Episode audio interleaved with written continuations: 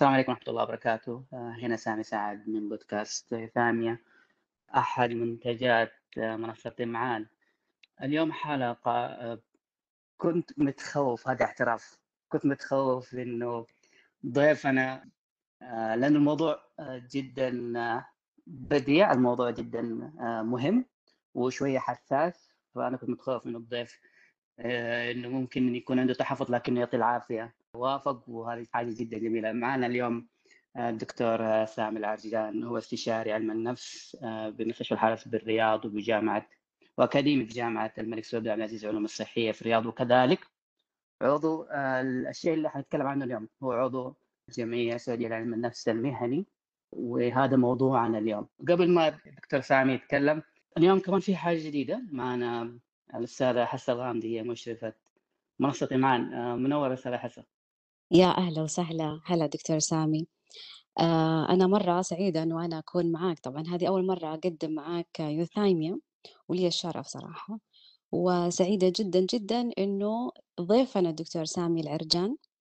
وإن شاء الله بإذن الله تكون يعني حلقة جميلة. والموضوع يعني صراحة مهم جدا إنه إحنا نحكي فيه. وشكرا يعطيك العافية دكتور سامي. آه خلوني أقول آه نبذة كذا بسيطة جدا عن الدكتور سامي العرجان.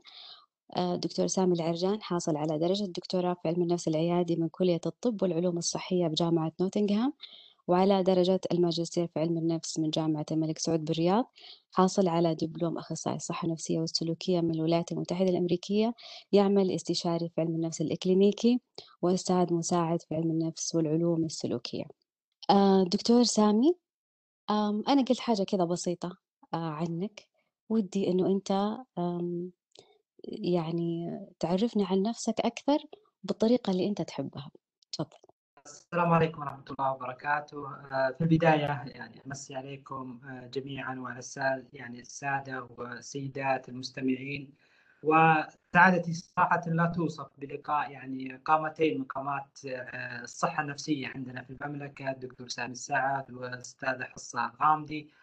وهما شخصان يعني لا يحتاجان إلى آه، شهادتي أو تعريفي فيهما ف آه، صولاتهما وجولاتهما وابداعاتهما في التخصص يعني تحكي عنهما وعن وعن ما قدمه. الأمر الآخر أنه سعيد أيضا بهذه الاستضافة في منصة منصتكم والمتابعة والمنصة يعني تعتبر الرائدة يعني الان في في في مجال الصحة النفسية هو يعني وأنا واحد من المتابعين والمعجبين بما يقدم صراحة آه، فيها. آه، استضفت خلال الأيام الماضية قامات علمية وأكاديمية وقامات في التخصص يعني آه، آه، قدمتوها بشكل يعني مختلف آه، وشكل يعني إبداعي بصراحة. وأتمنى أن أكون يعني وفق توقعاتكم ووفق أيضا تطلعاتكم لهذه الحلقة. وما سأقدمه هو ليس جديد على الجميع بإذن الله لكنه معلومات لربما لربما يعني كثير من الأشخاص في مجال التخصص يحتاجون أن يعرفوها. أنا الدكتور بدون دكتور خلينا نقول سامي العرجان لأنه عندنا الآن اثنين سامي فنحتاج انه نكون يعني آه أوضح. أنا سامي أنا يعني أحد مواليد منطقة منطقة الجوف في المنطقة الشمالية وأعتز في في انتمائي لهذا المكان. تعلمت إلى المرحلة الثانوية في في آه، في المنطقة الشمالية فكانت حتى يعني البيئة اللي عشت فيها والبيئة التعليمية اللي درست فيها كانت يعني مشابهة لكل بيئات المملكة يعني لا تختلف كثيرا في في في الطموحات. انتقلت بعد ذلك إلى الرياض آه، في تقريبا أواخر التسعينات لدراسة علم النفس. يمكن يستغرب كثير الناس ليش اخترت التخصص هذا وكيف إنه اخترته. آه، بصراحة فيه تأثر وأنا دائما أتكلم عن الموقف هذا. آه، في مرحلة الثانويه آه، هي قصة بسيطة. يعني المرحله الثانويه كان الوالد الله يغفر له ويرحمه عنده مكتبة صغيرة يعني في البيت. وكان في كتاب في علم الاجتماع. ما له دخل في علم النفس كان في علم الاجتماع للدكتور قديم حتى كتاب 1957 آه، كان آه، في علم الاجتماع للدكتور عبد الكريم اليافي وهو مؤلف وسوري يعني. فأذكر إني أخذت الكتاب وأنا في ثاني ثانوي. فقراءة الكتاب. طبعا أكبر من قدراتي العقلية يعني الاجتماع ونظريات ريكارد ونظريات تتكلم على جان جاك روسو والعلماء هذا. صراحة في الموقف هذا كأنه كان مفترق طرق في اختيار للتخصص آه بعدها سبحان الله كذا قررت إنه يمكن أن أكون مناسب لهذا التخصص أو إن التخصص هذا مناسب لي. يعني كذا اتخذت القرار مع إنه قرار آه مراهق في ذيك الفترة لكنه قررت أني أدرس علم النفس. طبعا في منطقتنا لم يكن موجود التخصص ابدا ولا كان يعني متوفر في تخصص علم النفس. ف شديت الرحال إلى الرياض وبدأت اللي هي ما, ما يعني رحلة التخصص في في علم النفس. درست البكالوريوس والماجستير في الملك سعود. آه ثم آه بدأت العمل في الشؤون الصحية في الحرس الوطني. و ولا أخفيكم يعني ما قدمته للتخصص الشؤون الصحية تخصص علم النفس والصحة النفسية عموما يعتبر من الصروح الرائده في هذا المجال وابتعدت في دراسة الدكتوراه والعودة آه، في في التخصص. يمكن الشيء اللي ودي أذكره معكم اليوم لأنه هي منصة متخصصة في الصحة النفسية. آه، صراحة إنه كان قراري في ثاني ثانوي الآن لما أعيد التفكير فيه أقول صح إنه كان قرار جريء وقرار آه، يحتاج إلى سنوات، الآن أقول إنه قراري كان الحمد لله صائب في اختياري للتخصص والإبحار فيه وحتى إنه الأشياء اللي قدمها لي أكثر من الأشياء اللي أنا قدمتها آه، في هذا التخصص. الآن أعمل في الشؤون الصحية في الحرس الوطني استشاري علم النفس وأيضا آه، أستاذ آه، مساعد في العلوم السلوكية في جامعة الملك سعود بن عبد العزيز للعلوم الصحية في الرياض. مهتم كثيرا في تخصص علم النفس العيادي بالتحديد والعصبي. وكان جزء من تدريبي في في نوتنغهام وهي طبعا واحدة من التوب 10 في في بريطانيا اللي كان في تخصص علم النفس العصبي تقريبا وبالتحديد العمل في أجنحة مرضى الجلطات الدماغية من خلال القياس النفسي والتأهيل والقياس النفس العصبي والتأهيل المعرفي. فكانت هذه هي ال main خلينا نقول main major اللي اللي آه، حاولت أركز عليه. وحتى موضوع ال thesis في التخرج كان على موضوع اللي هو القياس النفسي والعصبي لمرضى الجلطات الدماغية. والآن أعمل في المستشفى في آه، كلا المجالين في العلاج النفسي السلوكي وأيضا في العلاج وفي القياس النفسي والعصبي. أعتذر منكم طويل المقدمه لكن صراحة أنتم تعطوا الشخص الداخل الله يرضى عليك دكتور سامي. والله ربي يرفع مقامك بالعكس نحن يعني القامات كلمة كبيرة لكن هذا من لطفك وهذا من حسن ظنك. وبالعكس يعني المجال يعني أنت بالذات في كثير مجال خصوصا في الكتب اللي اللي موجودة يعني هذا الشيء يعني ربي يكتب لك الأجر شيء لأجيال قدام حيكون حيختلف وحيكون جدا فارق مع ناس كثير. فربي يرفع مقامك ويعلي شأنك. طيب موضوعنا اليوم عن جمعية آه، علم النفس المهني. وقبل ما أتكلم عن الجمعية أنا بصراحة في أشياء مشتركة بيننا كثير ترى دكتور سامي. القضية ما هي قضية اسم ولا هي قضية إنه نحن مشتركين كمان برضو آه، في مجال في مجال الصحة النفسية. برضو إحنا اكتشفت إنه إحنا برضه في علم النفس العصبي. أنا والله ما كنت ما كنت أدري إنه هذه أحد الأشياء اللي في في الخلفية الدراسية. هذه هذه من الأشياء اللي عرفتها الحين المقدمة حقتك. وغير كذا نحن اثنين نصراويين فهذه حاجة يعني القلب كذا اتسع بشكل أكثر. فالمشتركات زايدة وهذه حاجة جدا جميلة. طيب خلينا نخش في الموضوع. الموضوع آه، طيب أول شيء قبل نتكلم عن الجميع قبل نتكلم بتفاصيل أكثر خليني كذا بشكل يمكن هو أول شيء جاء بالي لما سمعت عن الجمعيه هو اسمها أحس الاسم فيه شوية ضبابية يمكن هذا فهمي أنا.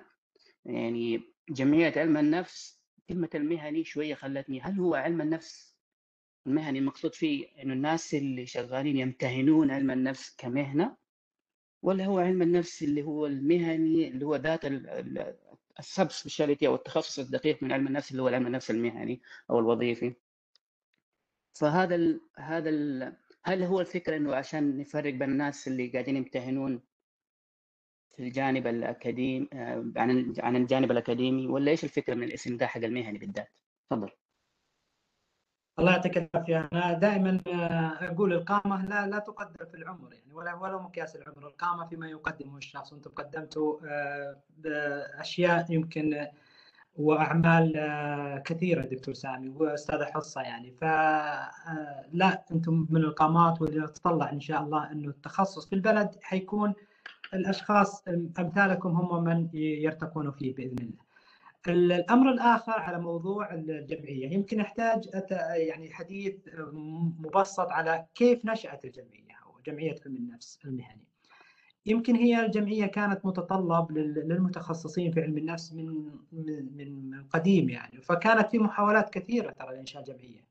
محاولات يعني خلينا نقول يعني أفاجئكم إنها من من الثمانينات من الثمانينات وكان في محاولات لإنشاء جمعية لعلم النفس تكون هذه الجمعية مهمتها الأساسية هي آه، تقديم خدمات للمتخصصين في علم النفس يعني خدمات سواء تدريبية إشرافية أو خدمات حتى آه، آه، مراقبة ومتابعة ووضع سياسات. فكان في محاولات كثيرة يعني ف لكن للأسف هذه المحاولات لم يكتب لها النجاح يعني. في كثير من من من من أوقاتها لأسباب يمكن ترتبط بأمور تنظيمية كانت في أمور حتى ممكن بعضها كان عدم اقتناع من بعض الجهات إنه يعني إلى الآن ما فيه يعني يعني خلينا نقول حاجة لهذه الجمعية وما إلى ذلك. بعد في كانت المحاولة لإنشاء هذه الجمعية في تقريبا في بداية ال 2000 2003 و2004 بدت مرحلة إنه تقديم الجمعية وإنه لابد إن تكون الجمعية هذه آه، آه، صحية أو متعلقة بالمجال الصحي أكثر يعني. أنت بتعرف تخصص علم النفس تقريبا آه، عندنا أكثر من 14 أو 15 تخصص فرعي في علم النفس. فجمعية تكون خلينا نقول متعلقة في المجال السريري العيادي أو ممكن أي صحي أو أي تسمية ممكن تسمى آه، فكانت الجهة أو الجهتين يعني اللتان ممكن الاتجاه لهما إما وزارة الصحة أو وزارة آه، أو آسف الهيئة السعودية للتخصصات الصحية لأنهم هم الكيانان اللي ممكن إنه الانطلاق من خلالهم وزارة الصحة لا لا تتبنى جمعيات ولا وليس لديها يعني إدارة في الجمعيات فكانت المحاولات على الهيئة السعودية للتخصصات الصحية. في ذيك الفترة آه، توقفت. يعني حتى قدم العمل من بعض الزملاء الله يجزاهم خير ولا بد إنه يعني ينسب الفضل لأهله. يعني قدم آه، البروبوزل للهيئة السعودية لكن ظل آه، حبيس الأدراج. كما هو الحال بكثير من المحاولات اللي السابقه وظل فترة طويلة يعني. إلى ما بدأت بعدين إنه النظر لعلم النفس في الهيئة السعودية على أنه تخصص لأنه كثروا المتخصصين الذين يحتاجون إلى تصنيف وتدريب وتسجيل وما إلى ذلك. فبدأت بعدها النظر في في الهيئة لضروره وجود لجنة علمية. هي لجنة علمية خلينا نقول مشابهة بالمجلس العلمي بس بشكل أقل يعني أو أصغر يعني. فانشئت اللجنة العلمية في ذيك الفترة في في الهيئة السعودية هو أعيدت تكرار المحاولة إنه لابد أن يكون لدينا جمعية داخل الهيئة السعودية للتخصصات الصحية من خلال إدارة إلى الآن لم يحصل لم يحدث شيء. وهذا أتكلم في تقريبا 2012 أو 2013 في 2000 تقريبا و17 أو 16 أقر المجلس يمكن أنت سمعتوا فيه المجلس الصحي للمجلس السعودي الصحي للخطة الوطنية لتطوير الأخصائيين النفسيين وكنت أحد اللجنة الاستشارية فيها وعملنا عليها إلى ان اعتمدت من المقام السامي مقام خادم الحرمين الشريفين ومجلس الوزراء باعتماد الخطة الوطنية وكان من ضمن التوصيات في الخطة الوطنية أن تكون هناك جمعية لعلم النفس آه، ومن خلال هذا العمل بدأت بدأ الزملاء لإعادة بإعادة المحاولات مرة أخرى وتنشيط المحاولة. وبفضل الله تقريبا في عام 2017 بدأت الجمعية أو اعتمدت من الهيئة السعودية للتخصصات الصحية بحيث تكون جمعية متعلقة بعلم النفس. لكن الآن جاء مسمى مهني. وهذا كان أحد اشتراطات الهيئة السعودية أن تكون ليس لكل متخصص في تخصصات علم النفس كثيرة منها التربوي ومنها المدرسي ومنها الفسيولوجي ومنها حتى الصناعي والتنظيمي وما إلى ذلك. فنحن في الهيئة السعودية لا يعني لا نعمل إلا مع خمس تخصصات صحية أو متعلقة في المجال الصحي. الخمس تخصصات هي العيادي والعصبي والصحي والجنائي والتخصص العام تخصص لأن عندنا في المملكة العربيه السعوديه بعض الجامعات تخص تخرج اللي هو علم النفس العام فهذه التخصصات هي من نصنفها أو إرشادي آسف الإرشادي العام الإرشادي أو هي التخصصات التي نصنفها وهي التي نتعامل مع مخرجاتها أو مع مع متقدمين فيها.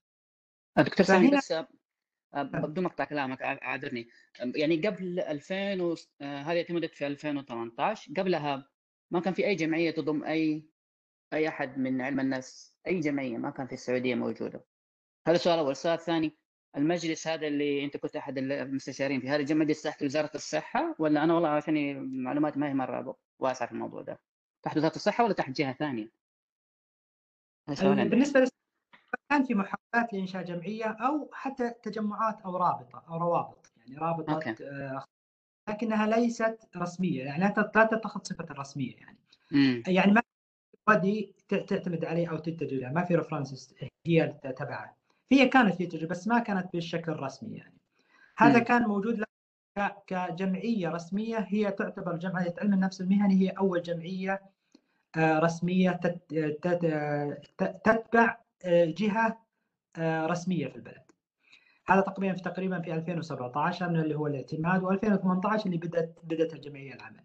بالنسبة للسؤال الثاني المتعلق ب المجلس الصحي السعودي هو مجلس التشريعات في البلد كل كل التخصصات الصحية يعني كل التخصصات الصحية ويوجد في المجلس الصحي اللجنة يسمونها اللجنة الوطنية للصحة النفسية وعلاج الإدمان. فهذه اللجنة هي كانت واحدة من توصياتها أن يكون هناك يعني دراسة لوضع الأخصائيين النفسيين ووضع خطة وطنية لتطوير لتطويرهم وكانت يعني تابع المجلس الصحي. والمجلس الصحي السعودي هو آه، جهة مستقلة يعني تتبع مجلس الوزراء مباشرة يعني لها يعني و واعضائه يعني هم أعضاء آه، أعضاء المجلس الصحي أو من وزير الصحة هو باقي المدراء التنفيذيين في في القطاعات الصحية يعني. جميل. فكانت الخطة الوطنية من خلال المجلس الصحي السعودي وبتوصية منه والاعتماد آه، تم يعني حتى سبحان الله بعض الأعمال يكتب لها الله النجاح يعني حتى بعض الأعمال لابد أن يكون لها مراجعات ويكون لها يعني يستند إلى خبراء لدراستها لما قدمت الخطة الوطنية يعني ما أخذت وقت كبير للاعتماد والحمد لله إنه يعني مقام قادم محمد الشريفين ومقام مجلس الوزراء هو من اعتمدها. والآن واحدة من من الأشياء من من التوصيات اللي هي الجمعية المهنيه جمعيات علم النفس المهني وأيضا اللي هي إنه العمل على إحداث برامج في علم النفس العيادي في الجامعات و والحمد لله بعض الجامعات اتجهت الاتجاه واتخذت القرار الجريء هذا وأصبح علم النفس العيادي يدرس كتخصص صحي الآن. جميل جميل فالآن فهمي إنه كلمة المهني فهي زي هل هي لأنه صعب إنك تجمع اسم يجمع دي الخمسة التفرعات الصحية في علم النفس تحت اسم معين ولا إيش كانت الفكرة؟ هي أنه أنه الخمس التخصصات هذه لابد أن يكون فيه مسمى يميزها يميزها عن باقي التخصصات اللي زي ما ذكرت العيادي والعصبي والصحي والجنائي والإرشادي يعني. وهي أيضا وهي أيضا هي أصلا بروفيشنز يعني هي ترجمة لكلمة professions not occupational ولا مثله فهي ترجمة professions هي مهني يعني. فهي أصلا الصحة النفسية والعمل في مجال الصحة النفسية والعلاج النفسي هي مهنة وليست وظيفة يعني فغالبا غالبا هي أنا لم أشترك صراحة في في اختيار التسمية لكن الزملاء كانوا ال justifications اللي كانوا يعتمدون عليها أنه لابد أن يكون هناك مسمى يجمع التخصصات هذه بحيث انه كل واحد كل أحد منها من هذه التخصصات يأخذ حقه يعني في في هذه الجمعية. فكان إنه الواقع الاختيار على مهني لأنه الخمس التخصصات الفرعية هي تخصصات مهنية أصلا. تخصصات جميل. عملية يعني. جميل. آه طيب دكتور إحنا دكتور سامي بنبدأ ندخل كذا شوية شوية بنتعمق في, في الأسئلة.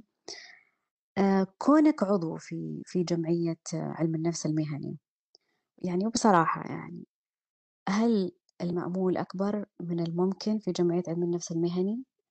لأنه يعني يعني إحنا لسه ما إحنا شايفين أشياء قاعدة تظهر أو أو في أشياء ممكن قاعدة تعمل ولسه ما ما تم الحديث عنها فما أعرف إيش رأيك؟ أه، حقيقة هذا ما نتمناه دائما إنه الأعمال دائما في بداياتها تأخذ هذا المنحنى يعني إنه يكون فيه إلى الآن في تشكك إلى الآن فيه ريبة إلى الآن حتى في تردد في في في الموضوع هذا. الجمعية أه، زي ما ذكرت هي أه، استحدثت أو قررت عام 17 أو أول مجلس إدارة كان منتخب في عام 2018 تقريبا في بداية 2018 وكان أول اجتماع في فبراير 2018 لمجلس الإدارة المكون من 11 عضو. آه، واختير الرئيس واختير نائب الرئيس واختير باقي باقي الزملاء للعمل في في, في إدارة الجمعية. كان واحدة من الأشياء اللي نطمح لها ونعمل عليها مع الزملاء في الجمعية تطوير ووضع سياسات أصلا لعلم النفس أو ممارسة علم النفس البلد. لا أخفيكم يعني وخلونا نكون أكثر وضوحا مع أنفسنا قبل أن نكون وضوحا مع غيرنا. يعني علم النفس كما هو الآن يعني يعني عمل شوية فيه فيه معلش على الكلمة يعني فوضى أو عدم وضوح في العمل. يعني المتخصصين ليس لديهم سياسات واضحة ما في تشريعات فكان واحدة من ال من ال من أهداف الزملاء في مجلس الإدارة أن يكون لدينا ميثاق أخلاقي كمثال مثال أخلاقي لعمل الأخصائي النفسي إذا قارنا أنفسنا مثلا بالجمعية الأمريكية والجمعية البريطانية للصحة النفسية وعلم النفس نجد أن يعني الميثاق الأخلاقي هذا كان واحدة من أهم الأشياء التي أنتجوها لما بدأت الجمعيات هذه. فكان واحدة من العمل إنه يكون لدينا ميثاق أخلاقي عملنا عليه و... و... وهو في يعني في المراحل الأخيرة للاعتماد. الأمر الآخر إنه مسألة التصنيف وال... في الهيئة السعودية، وأنتم تعرفوا مسألة التصنيف والتسجيل كان كانت من الأمور المؤرقة للأخصائيين النفسيين وحتى القطاعات الصحية، إنه كيف أميز هل هل هذا شخص مؤهل غير مؤهل، هل هو تربوي عيادي وما إلى ذلك. فايضا الزملاء والزميلات بمجلس الإدارة عملوا على على هذا على هذا الموضوع. هذه كموضوعات تخص الأخصائيين، موضوعات تخص الجمعية نفسها، الجمعية حديثة.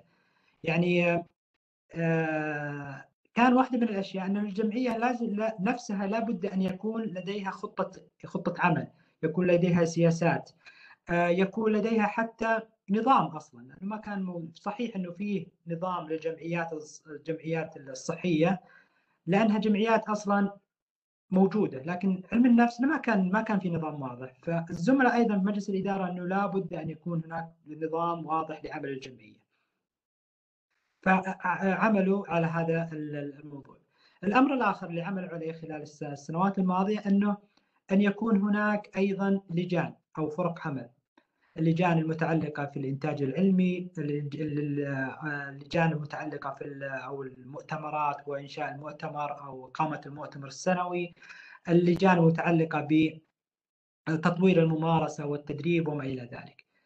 طبعا العمل هذا لا أخفيكم يعني يمكن اللي خارج المنظومة ينظر لأنه أعمال ممكن تعمل لكن تحتاج إلى وقت كبير يعني تحتاج إلى جهد كبير يعني سواء من مراجعة التجارب السابقة في الجمعيات مراجعة السياسات الموجودة حتى أحياء بقول لكم حتى حنا كلنا من من رئيس مجلس الإدارة آه، إلى يعني حنا حديثين عهد في العمل في الجمعيات. فكان المفروض برضو أن نتواصل مع آه، قطاعات حكومية أخرى لنعرف أنه كيف أصلا عمل الجمعيات يعني.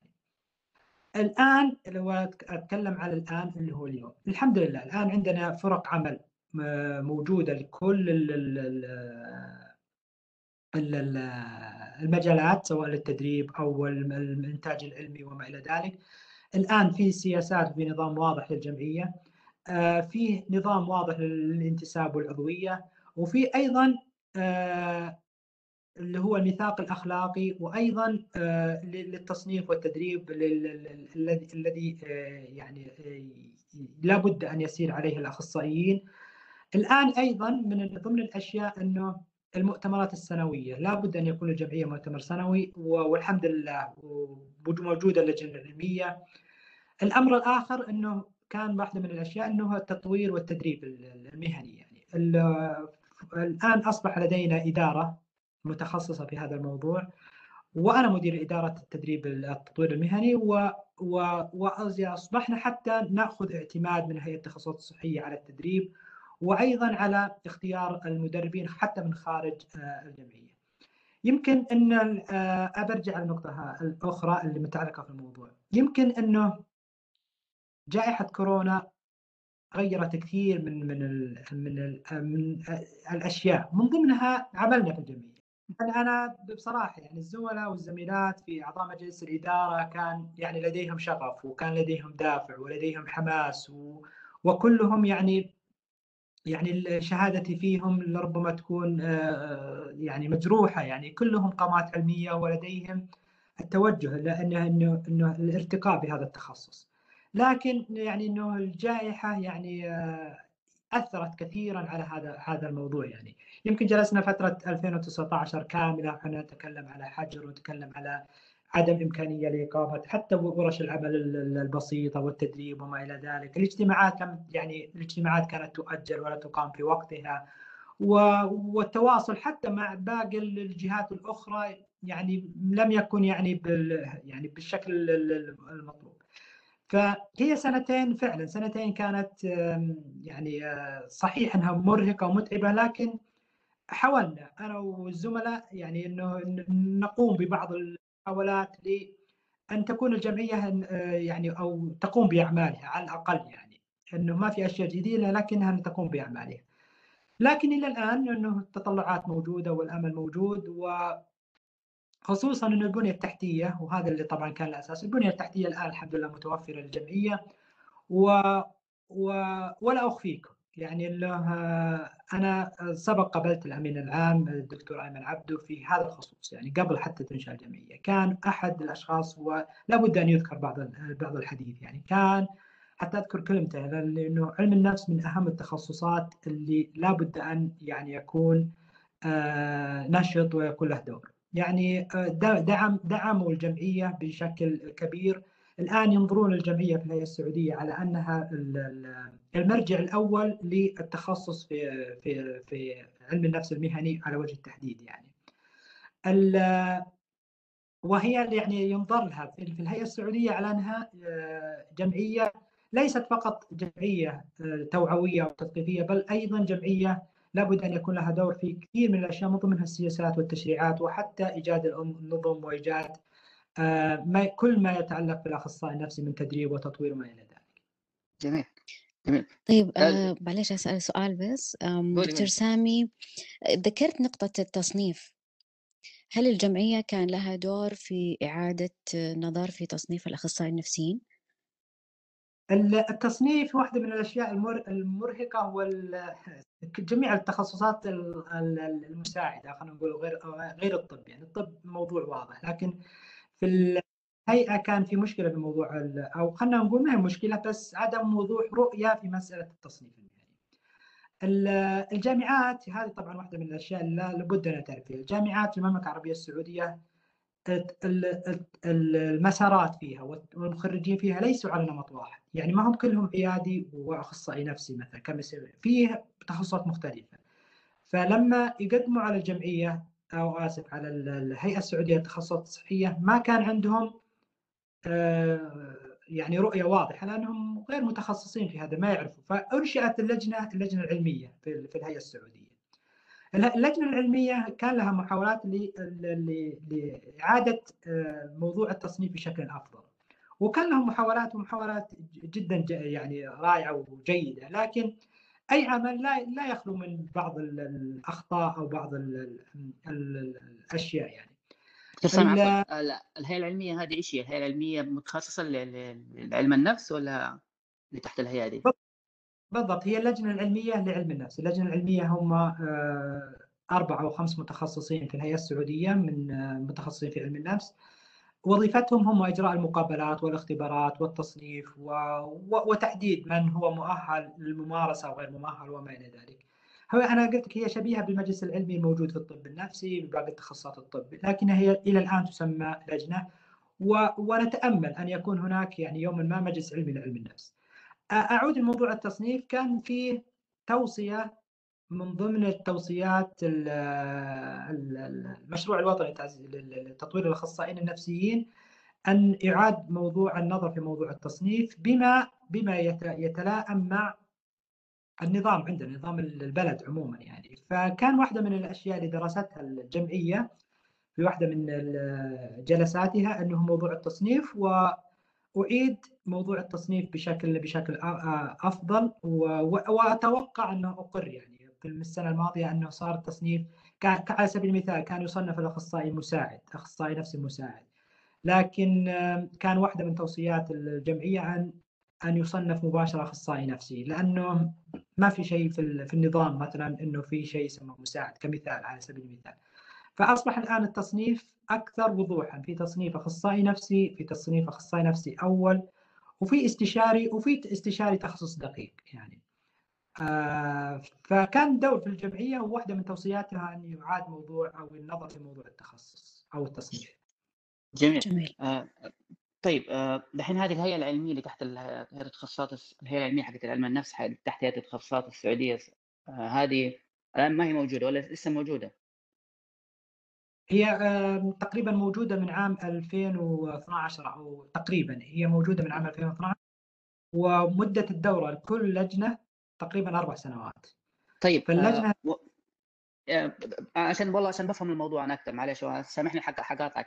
آه طب إذا الجمعية الآن الجمعية آه، حقت العلم النفس المهني هي تحت هيئة التخصصات السعودية ولها هي هي انشئت عشان المجال علم النفس المهني أو العيادي أو الصحي بشكل عام يكون فيه تحسن. وأنتم أحد اللجان أنا فهمت منك دحين قضية التصنيف. فانتم لكم دور يكاد يكون تنفيذي كمان في قضية التصنيف اللي تحت هيئة التخصصات السعودية فالهيئة العلمية هذه في النص إيش وضعها؟ هل هي وضعها آه، فهمني عن الموضوع والله أنا ماني يعني هل هي وضعها تنفيذي أكثر وأنتم وضعكم توصيات أكثر؟ بالضبط يمكن النقطة الأخيرة هي هي هي شرح للفرق بين اللجنة، اللجنة العلمية هي آه، تنفيذي لكن الهيئة الجمعية السعودية دورها تشريعي أكثر يعني. وضع التشريعات وتوسع. جميل. وهل يكون في آه هل ما يتم التوصية به يتم التنفيذ به ولا كل شيء قابل للنقاش طبعا؟ لأنه كلاهما تحت تحت مظلة الهيئة السعودية للتخصصات الصحية. والزملاء في اللجنة العلمية بعض منهم هم أعضاء أصلا في الجمعية يعني. لكن انه آه، بالضبط. فهي هي اللجنة اللجنة هو واحدة من يعني خلينا نقول الجمعية واحدة من أدوارها ليست ليست التصنيف و... و... و... صحيح. والتسجيل هي هذا متخصص في في الهيئة السعودية. فال يعني واحدة من النشاطات والأدوار اللي تكون فيها انها وضع السياسات ووضع التشريعات للموضوع هو مجلس تشريعي أكثر منه مجلس تنفيذي. التنفيذ على اللجان وعلى المجالس العلمية. كما هو موجود على بس الصورة مثلا في الجمعية السعودية للطب النفسي وهي جمعية في أيضا المجلس العلمي للطب النفسي. هو من يمنح يمنح الشهادات الاعتبارية للممارسة والمزاولة يعني. والدور الجمعية هو ممكن المشاركة في وضع التشريعات وبعض بعض السياسات. وهذا هو وهذا ما يحدث في الآن في موضوع الجمعية السعودية للعلم النفس المهني. هي دورها أن تقوم بوضع بعض التشريعات والتوصيات. مثلا الميثاق الأخلاقي هو واحد أحد من النواتج الجمعية السعودية لعلم النفس المهني أو انتاجاتها العلمية. لكن آه، راح يقر كميثاق أخلاقي لكل الأخصائيين والممارسين في مجال علم النفس في في المستقبل يعني. جميل. طيب آه أنا والله الحين في كذا حاجة في بالي لكن يمكن آه الشيء اللي في بالي رقم واحد جاء قضية إنه يعني أنا قاعد أقارن دحين بين جمعية خلينا نقول حقت الطب النفسي لما بدأت وكيف أقارنها دحين أنتم بالعلم النفس. يعني أحس المجهود عندكم الله أكبر أكبر بكثير. يعني الطب النفسي من بدأ كان عدد الأطباء النفسيين ممكن على اصابع أنتم لا بدأتوا على قولك يعني الوضع البلد كلها فيها أخصائيين نفسيين. فالوضع جدا أصعب وفكرة إنكم تبدأوا بتشريعات وأشياء تأسيسية قد يراها البعض إنه شيء تنظيري قد يراها البعض انه شيء يعني خلاص أبدأ وانفذه لكنه والله مرة مهم. يعني في خضم هذه الزحمة دي وال... آه، والكلمة لا يعني كلمة الفوضى دي كمان أنا أحس أنت كنت لطيف فيها. كنت جدا لطيف في, في الكلمة هذه لكن ممكن يكون فيها أوصاف أكثر تصف الوضع. فإنه يكون في تأسيس وفي شيء تشريعي في شيء ميثاق مواثيق توضع في البداية هذا مرة مهم جدا مهم. آه، قضية إنه والله إنه هيئة التخصصات السعودية وأنا أقولها كرأي شخصي لي يمثلني أنا. انه هيئه التخصصات السعودية هي هي هي تحتها يكون الشخص يكون جهات تنفيذية وبرضه في جهات توصي شيء جيد. لكن إنه يكون برضه كلهم تحت هيئة التخصصات هذه شوية حيكون فيها شوية أكيد في تضارب. يعني أنا قاعد أقارن بين يعني أنت كنت حضرتك في بريطانيا وكنت حضرتك في أمريكا ففي جهه تنفذ في جهة تماما مستقلة. زي الكليات الملكية للكليه الملكيه فرضا للاطباء النفسيين الكليه الملكيه للأخصائيين النفسيين وال الجمعية American Psychiatric Association American Psychological هذول كلهم منفصلين تماما عن أي جهه تنفيذية ثانية عموما نرجع لموضوعنا. جمعية النفس المهني الحين هذا السؤال جاء في بالي. هل فيها ناس متفرغين؟ هل فيها موظفين متفرغين وياخذوا الرواتب كده ولا؟ الجمعية هي الجميع فيها تطوعي. يعني آه بلا مبالغة. بعض الزملاء هم إلى الآن يمكن اثنين أو ثلاثة اللي يمكن يمكن اثنين اثنين فقط اللي متقاعدين. لكن باقي الزملاء يعملون وأعمالهم آه، وظائفهم.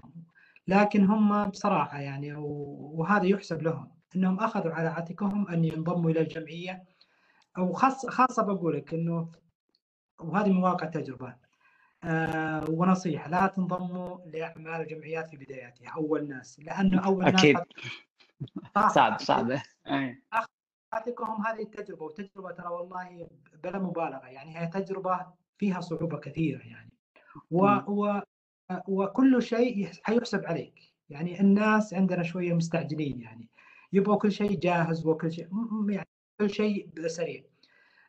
اتوا للجمعيه من أعمالهم ويخصصون جزء كثير من أوقاتهم. وهذا يعني هذا بلا مبالغة يعني من أوقاتهم تأدية الأعمال وتأدية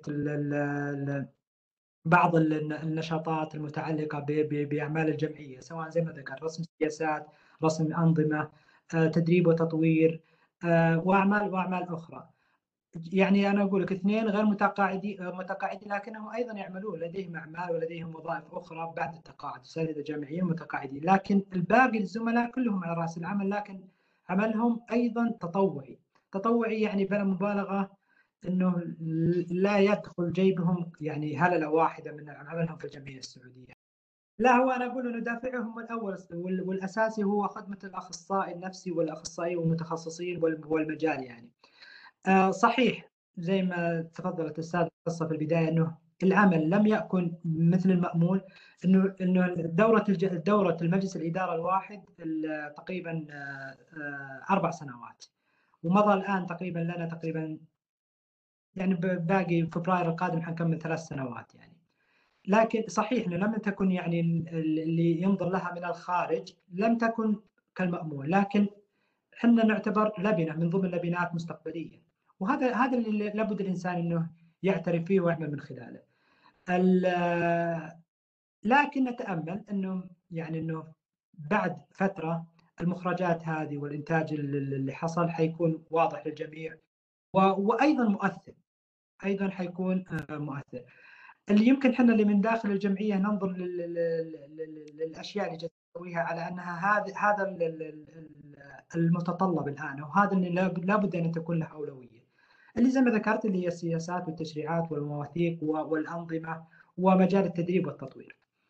جميل جميل. طيب آه ربي يكتب لكم الأجر وحاجة مو سهلة والله مو سهلة خصوصا إنه أنتم لكم يعني أعمالكم والواحد يعني وغير كذا أنتم ما تأخذوا عليها ولا شيء. يعني أنا إيش إيش اللي إيش اللي وجع الرأس؟ ممكن أي واحد يقول ثاني أي أحد ثاني يقول نفس الكلام. لكن ربي يكتب لكم الأجر و... ويعني وإن شاء الله هيئة التخصصات آه، يعني تدف شوية بالميزانيه تفرغ ناس للعمل كمان. يعني على الأقل ناس آه، يعني يمشوا الشغل زي يعني مو إنه ناس من من نفس اعضاء اللجنة لكن ناس تحت ال... تحت الجمعية نفسها يكونوا متفرغين لتمشية الأمور والأشياء الروتينية الأشياء اللي يحتاج لها متابعة وخلافه طيب أنا الآن بعيد عن المشهد وهذا السؤال لأني أنا بعيد عن المشهد وهذا يمكن شيء كويس ولكنه برضه شيء سلبي لكن أنا من الاشياء الكويسه إني بعيد عن المشهد. في عن الجمعيات وكذا إنه يمنحني شوية حرية نسال سؤال زي هذا السؤال اللي جاي اللي هو يعني أنا اللي كان سمعت إنه في جمعية ثانية آه، أظن الجمعيه السعودية للعلم النفس تحت جامعة الملك سعود آه، يعني هل هي جمعية متفرعة تحت الجمعية حقتكم؟ هل هي جمعية مستقلة؟ هل هي آراء غير متسقة؟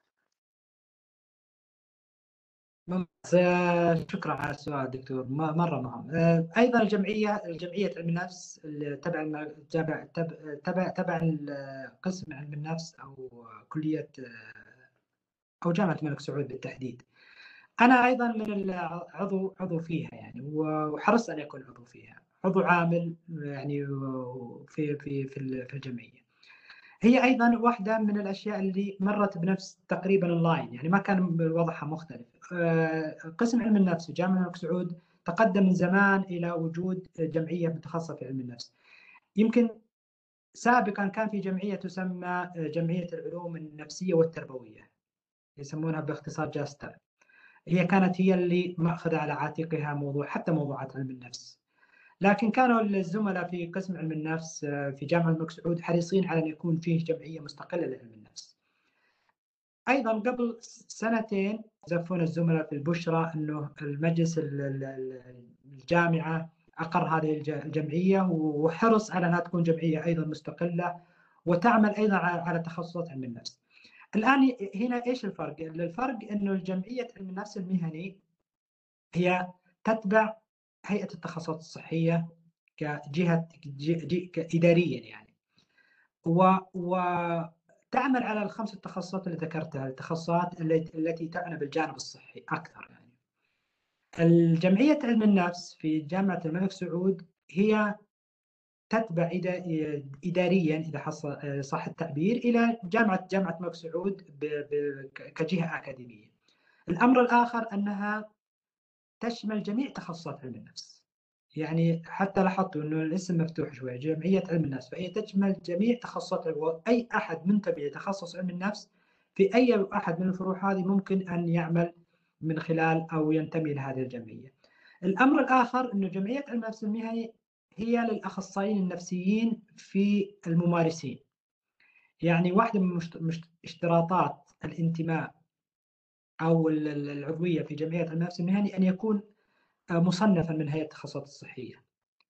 يعني لديه تصنيف مهني ولديه تسجيل مهني. فلا بد أن يكون آه، واحد من آه، أعضاء مجلس الإدارة أيضا في الجمعية السعودية للنفس المهني أيضا هم من المتخصصين المزاولين لتخصصات علم النفس المهني الخمسه بينما مثلا في جامعة الملك سعود المجلس الإدارة آه، أكاديميين ممكن يكونوا أكاديميين أو حتى ممكن غير مصنفين في في في التخصصات الصحية أيضا. لكن آه، اللي أبي أكد عليه إنه كلا الجمعيتان يعني هي آه، كلاهما مكملين بعضهما يعملون جنبا لجنب وأعرف كثير إنه الزملاء الموجودين الموجودون في جمعيه علم النفس المهني أعضاء في جمعية علم النفس وأعضاء علم النفس كثير منهم أيضا ينتمون علم النفس المهني. الهدف الهدف من الجمعيات آه، ليست آه، مرتبطة بأشخاص يعني. الهدف من الجمعية عادة كي تجمع الجميع.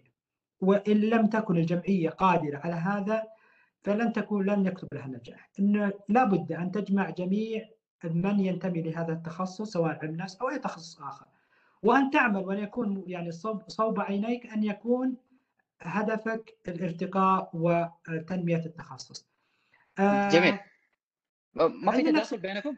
ما في تداخل بين الجمعيتين؟ التداخل صحي التداخل أنا تعبت تداخل صحي بمعنى. إنه مثلا المؤتمر المؤتمر العلمي مثلا. الملك الملك جامعة الملك سعود أو الجمعية علم النفس الملك سعود حيكون حيكون لديهم مؤتمر سنوي في علم النفس. أيضا علم النفس المهني حيكون لديهم ذات النشاط سنويا. بالعكس هذا ليس تداخل. هذا بالعكس حيزيد النشاط العلمي وحيزيد أيضا التجمعات وحيزيد المؤتمرات العلمية. حيكون في مجلة علم النفس المهني حيكون مجلة علمية نتكلم وحيكون في أيضا مجلة علمية في علم النفس.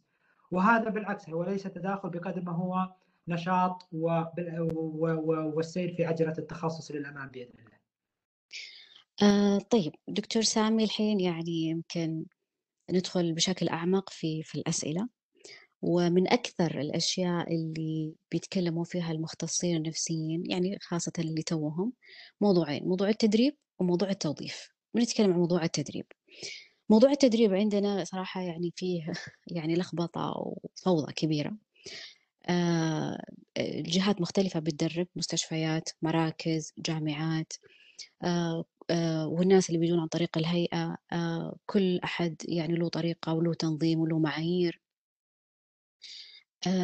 فهل إيش دور الجمعية في هذا الموضوع؟ يعني حتى أنا أتذكر إنه قبل كورونا لما كنت أعمل في المستشفى اللي كنت أعمل فيه كان بيجونا دفعة كبيرة جدا من الهيئة. آه، بعضهم كان منقطع خمسة ستة سنين. بعضهم عنده تخصص مثلا بكالوريوس كيمياء بس راح أخذ ماجستير من برا علم نفس مثلا.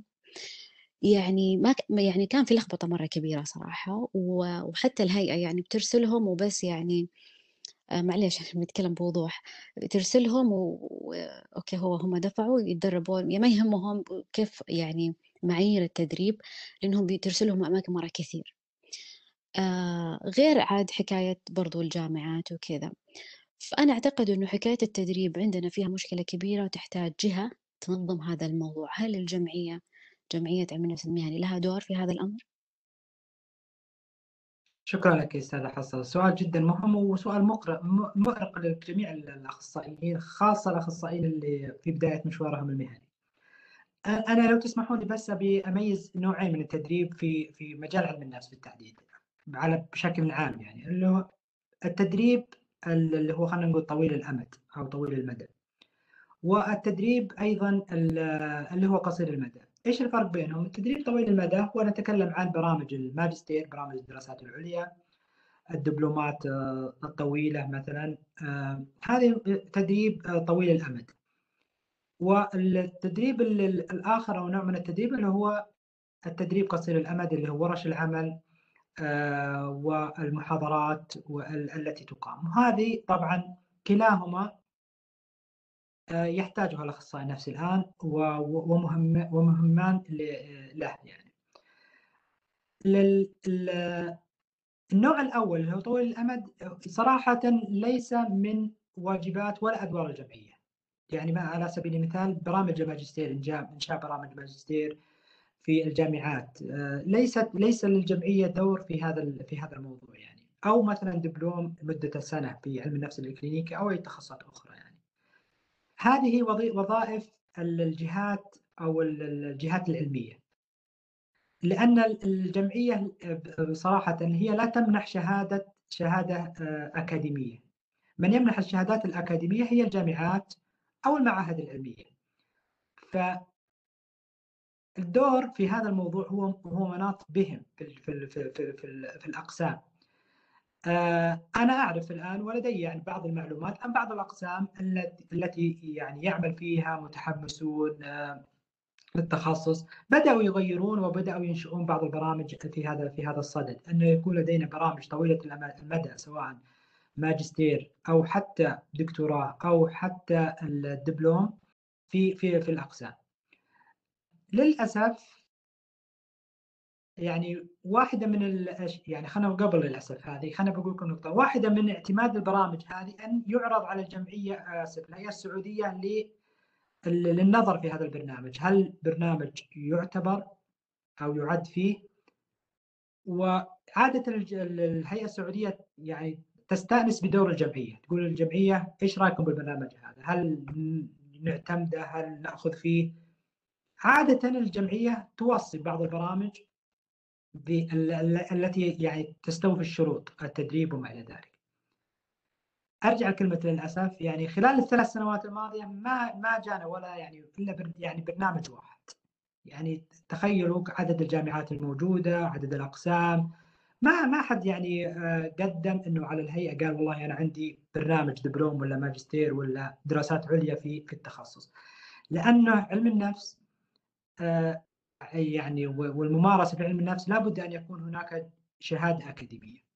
الجانب الآخر متعلق في التدريب قصير المدى اللي هو متعلق في ورش العمل والمحاضرات وما إلى ذلك.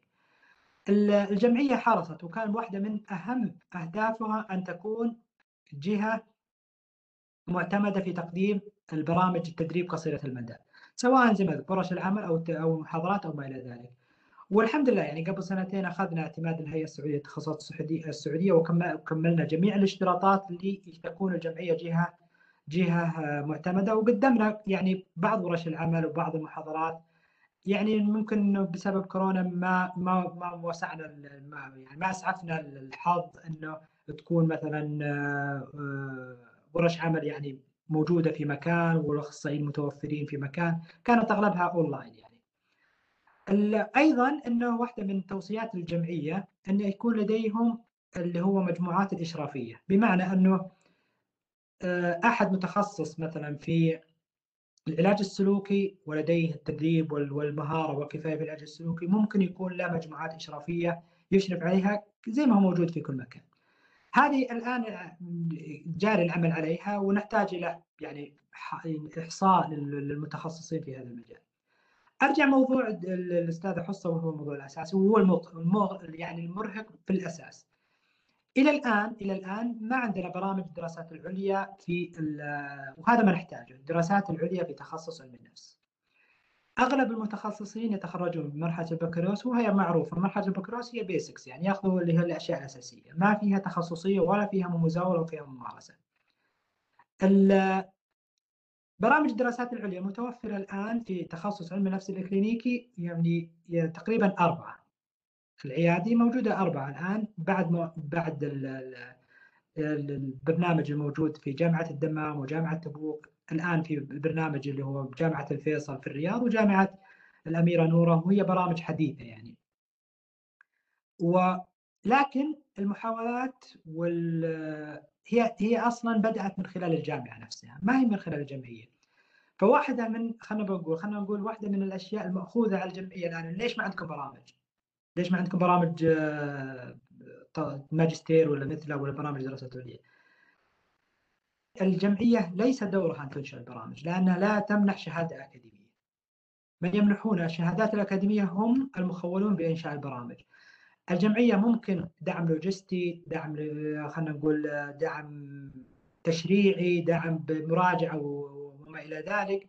لكن ما ما واحدة من أدوارها أن تنشئ اللي هي البرامج هذه. ممكن أوضح حاجة دكتور سامي؟ أنا يعني كان قصدي هل فيه آه، دور للجمعية من ناحية وضع معايير وتنظيم؟ مش إنها هي اللي مثلا تدرب لأ بس يعني يكون في تنظيم وفي وضع معايير وسياسات للتدريب وتتوحد وترسل للجميع يعني. هي هي تكملة كلامك أستاذ حصي التوصية هذه موجودة أصلا في الخطة الوطنية لتطوير الأخصائيين النفسيين يعني آه ومعتمدة. إنه الاهتمام بالدراسات العليا لتخصص علم النفس العيادي بالتحديد وأن يكون تخصص آه، مهني تخصص آه، آه، علمي ويتم بإجراءات وطرق معينة. فهي أصلا موجودة التوصية وال... وعلى حد علمي ومتأكد من هذه المعلومة أن وزارة التعليم العالي أرسلت خطابات يعني تقريبا لكل الجامعات بما فيها الجامعة اللي يعني أنا اعمل فيها خطابات لكل الجامعات بضروره استحداث برامج في علم النفس العيادي. فموجودة أصلا عند الجامعة. بعض الجامعات تحمست أخذت الموضوع هذا على محمل الجد بدأت بتغيير يعني بعض سياساتها في موضوع التخصص وإنشاء برامج وحتى استحداث وظائف وابتعاث متخصصين وبعض الجامعات يعني إلى الآن ما أخذوا في في في في موضوع القرار هذا أو الخطاب هذا يعني أخذوه محمل الجد يعني. جميل. طيب دكتور سامي أنا أنا الحين هذا جاء في بالي الآن إنه نطلب من الجامعات إن هي تقدم هذا الشيء هذا صراحة شيء مهم لأنه الجامعات هي اللي هي هي اللي صح هي اللي هذه الرساله الاكاديميه تخرج منها. طيب هل ممكن الموضوع ده برضه يخرج من الجامعات؟ يعني حتى مو بس التدريب حتى كمان الإشراف أنا هذا سؤال أحد الأسئلة اللي ببالي إنه ليش ما يكون في يعني بصراحة لما يكون في business في موضوع التدريب لما يكون في business في موضوع الإشراف. آه إنه الموضوع هذا يعني أنا كشخص متقاعد مثلا آه عندي PhD في علم النفس العيادي مثلا أنا أفتح business لي يكون ال business هذا أقدم فيه تدريب آه آه وتأهيل وإشراف لناس متخرجين من علم النفس. أنا ما أنا ما حستنى الجامعة تسوي لي ماستر ما حستنى الجامعة تسوي لي برنامج كامل. أنا أفتح الموضوع بحسب معايير وحسب آه، أشياء يحققها هذا ال business وهذا المكان يخرج لي فيها ناس. الهيئة السعودية تصنفهم كاخصائي نفسي أول ك وات يكون إنه هذا شخص مؤهل ومدرب. لأنه إذا انتظرنا الجامعات والله حنتعب ولا لا؟ ما أعرف. أنت إيش رأيك؟ أنت أدري. هو يمكن إنه ال ال يختلف قليلا عن التخصص علم النفس بالتحديد والتخصصات الصحية الأخرى. أنه لابد أن يكون البرنامج التدريبي ومعتمد من جهة أكاديمية اعتبارية.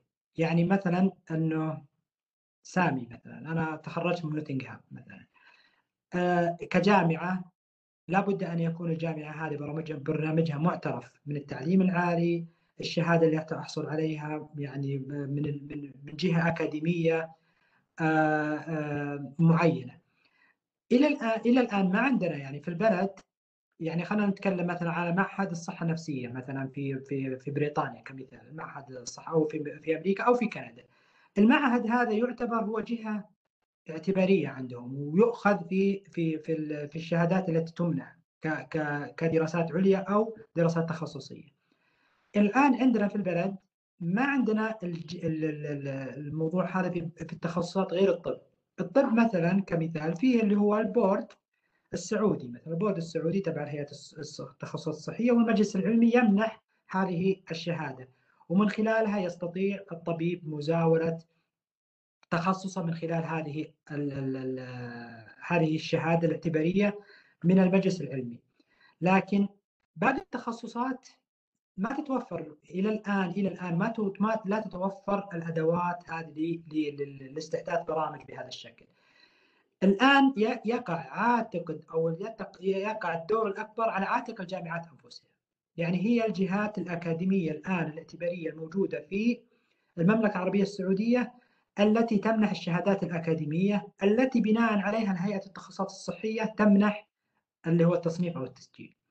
يمكن يمكن النقطة خلينا نكون متفائلين أكثر مع التوجه الجديد للتعليم الأكاديمي العالي أنه يكون الجامعات مستقلة الجامعات يعني لها أعمالها الخاصة. من الممكن يمكن يعني يكون واحدة من الأشياء أنه استحداث برامج تكون من خلال اللي هو المدفوع أو ال business مثلا. أنه okay أنا أستقطب دكتور أو مجموعة آه، آه، يعني أشخاص لديهم المؤهلات العلمية لاستحداث برنامج وإنه اللي يبغى ينتمي لهذا البرنامج يمكن يدفع فلوس ويحصل على الإشراف ويحصل أيضا بالنهاية على الشهاده اعتباريه. أنا بقول لكم على تجربة جامعة الملك فيصل في الرياض. جامعة الملك فيصل الملك الملك فيصل جامعة الفيصل آسف في الرياض لديهم الآن اللي هو ماجستير علم النفس العيادي. ويعني هم الآن تقريبا من ثلاث سنوات تخرجت الدفعة الأولى. تجربتهم هي تجربة مشابهة أو قريبة من الفكرة اللي تفضل فيها الدكتور سامي أنه يكون التدريب والإشراف والحصول على الشهادة بطريقة يمكن تكون مدفوعة أو طريقة لأنه جامعة الفيصل هي جامعة آه، أهلية يعني. فهي استحدثت برنامج بالتعاون مع مدينة الملك فهد الطبية فهم الجهتين الاعتبارية هذه الصحية والجهة الأكاديمية استحدثوا برنامج مثل هذا وبدأوا يعملون من من خلاله. هذه تجربة ممكن في المستقبل انها تعمم آه، وتكون يعني تجربة يمكن تكون آه، في في المستقبل هي تجربة يمكن تكون أقرب للتطبيق من من غيرها من باقي التجارب. جميل أو أو ترى يعني حتى يعني مو بس يعني أنا واحد ممكن يقول أنت كيف تقول فكرة إنه والله تخلي البرامج دي التدريب أو الأشراف تكون مدفوعة. طب هي الناس الواحد متخرج بكالوريوس من فين حيجيب لك مبلغ؟ ومن فين حيجيب؟ هي القضية أبعد. يعني إذا تبي تنظر لها كمان مو بس إنه أنا اللي متخرج من علم النفس إني أنا أدفع لا.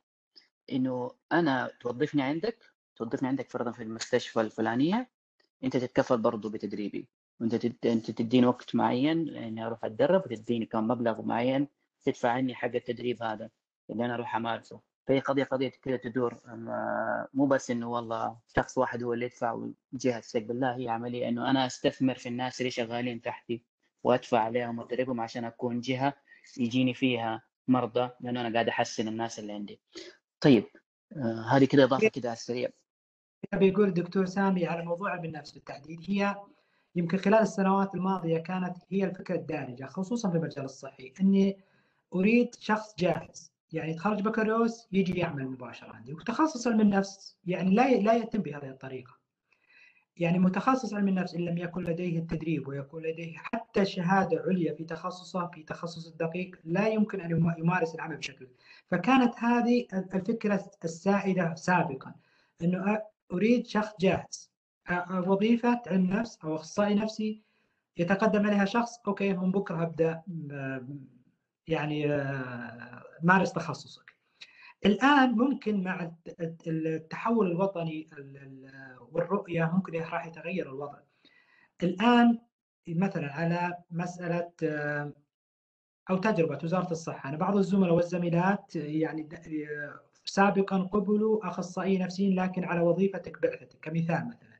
إنه أنا okay أنا اوظفك بس مو الان بعد ما تروح تجيب لي شهادة عليا في التخصص. كمثال. أنا راح أدفع عليك.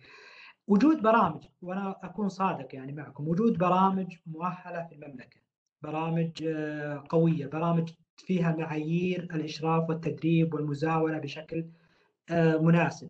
هذا راح يعني يغير وجهة النظر هذه. انه okay الأخصائي النفسي أنا okay أنا عينك لكن وزي ما تفضلت راح أدفع على بعثتك الداخلية مثلا في أي برنامج من البرامج مدة سنة أو سنتين بحيث تأتيني بعد سنه أو سنتين ولديك ولديك المؤهلات ولديك القدرة على الممارسة. أنا أشوف الآن الفكرة اختلفت في كل التخصصات الأخرى يعني الآن ينظرون إنه okay أنا ما أبغى واحد والله يجيني من يبذل مال لا أنا أبغى واحد مؤهل الواحد المؤهل هذا والشخص المؤهل لا يتم إلا من خلال إنك لابد أن الجهة أو المنظمة لابد أن يعني تدفع لابد أن تبحث وما إلى ذلك. يمكن بعض الأشخاص اللي بيسمعونا الحين يقولون شو الفرق بين التدريب والإشراف؟ فممكن بس تشرحها باختصار عشان تكون واضحة في ذهنهم. هو التدريب أن التدريب أن يكون الشخص قادر على ممارسة خلينا نقول العلاج النفسي أو القياس النفسي. هذا لابد أن يأخذ تدريب وتدريب اعتباري تدريب آه، من من من شخص أو مجموعة أشخاص لديهم القدرة على إيصال هذا التدريب يعني. الإشراف هو عادة يأتي بعد التدريب. بعد ما تنتهي التدريب يأتي يأتي مسألة الإشراف لأنه لا يوجد أحد كاملا يعني. وتخصص علم النفس والصحة النفسية أنا دائما أحرص على على الصحة النفسية لأن يشمل مجموعة تخصصات وليس علم النفس فقط. هي من التخصصات خلينا نقول الحديثة أو المستحدثة. يعني إنه لابد أن الشخص يكون ابديتنج مع كل التطورات الموجودة. الأخصائي النفسي اللي قبل عشر سنوات يمارس بطريقة ليس نفس الأخصائي النفسي اللي يمارس الآن. أحدثت ثورة علمية وثورة تدريبية وثورة حتى معرفية في مجال العلاج النفسي على سبيل المثال. فالإشراف لابد أن الإشراف أن يكون الشخص يعني يستمر مع موضوع الأخصائي النفسي والممارس النفسي من بداية مزاولة المهنة إلى التقاعد. أما التدريب أيضا ممكن يكون من مرحلة إلى مرحلة أو من مختلف المراحل حسب الحاجة. اتكلمكم عن تجربتي أنا يعني واحد من المهتمين في ال DBT dialectical behavior therapy وحاولت يعني من زمان إنه يعني آخذ تدريب فيه وأحصل على تدريب. حصلت على التدريب وأخذت شهادة المزاولة لكن لم أو... لم أقف إلى الآن على مسألة الإشراف لدينا مجموعات إشرافية تجتمع اسبوعيا شبه يعني شبه اسبوعيا تقريبا كل أسبوع أو أسبوعين نجتمع أونلاين من مختلف مناطق العالم نناقش حالات لأنه أنا أحتاج تجربتهم وهم أيضا يحتاجون إلى تجربتي ونحتاج أنه موضوع الإشراف وكيف كيف أصلا أنت كممارس آه، تقدم الخدمة هذه. بديع آه يعني هو على قولتهم التدريب هو هو محطات ممكن تكون متفاوتة لكن الإشراف هي رحلة حياة بالنسبة للأخصائي النفسي. طيب الإشراف آه هي صراحة معاناة وما أدراك ما الإشراف بالفعل. يعني يعني أنا كده سؤال دائما لما أفكر في الإشراف أحس إنه عشان الموضوع الإشراف ده يتحسن عندنا في البلد تحتاج إنه نفرغ ناس. يعني ابى أجيب أنت فلان الفلاني أنت أنا أديك راتب آه، ايا يكون مصدر الراتب هذا أنت خليك مشرف. آه، والراتب يكون مجزي طبعا. عشان الخبرات هذا الشخص هذا تنتشر لأنه نحن نحتاج تدريب نحتاج خريجين نحتاج ناس آه، شغاله في المجال لكن نحتاج كواليتي نحتاج جودة والجودة تيجي مع التدريب لكنها تيجي تستمر مع الأشراف. ما أعرف هل الجميع لها دور في هذا الموضوع ولا تحس؟ إيش رأيك؟ أنا بس على كلمة المعاناة دكتور سامي هي هي تعبير فعلا عن الواقع إنه موضوع الأشراف آه، موضوع مؤرق لجميع الأخصائيين النفسيين. يمكن أنا السبب الأول أو أربطه بسبب يعني رئيسي إنه قلة المشرفين أو قلة المؤهلين في تخصصات علم النفس المهني الخمسة التي ذكرناها يعني. يمكن المعلومة اللي نحتاج إنه نذكرها إنه عدد المصنفين مثلا في هيئة التخصصات الصحية في تخصص علم النفس آه، أول أو أخصائي نفسي أول أو استشاري عددهم قليل جدا لا يتعدون يعني 200 على حد علمي 230 أو 250 شخص على مستوى المملكة يعني إحنا نتكلم على مستوى المملكة آه، كاملة.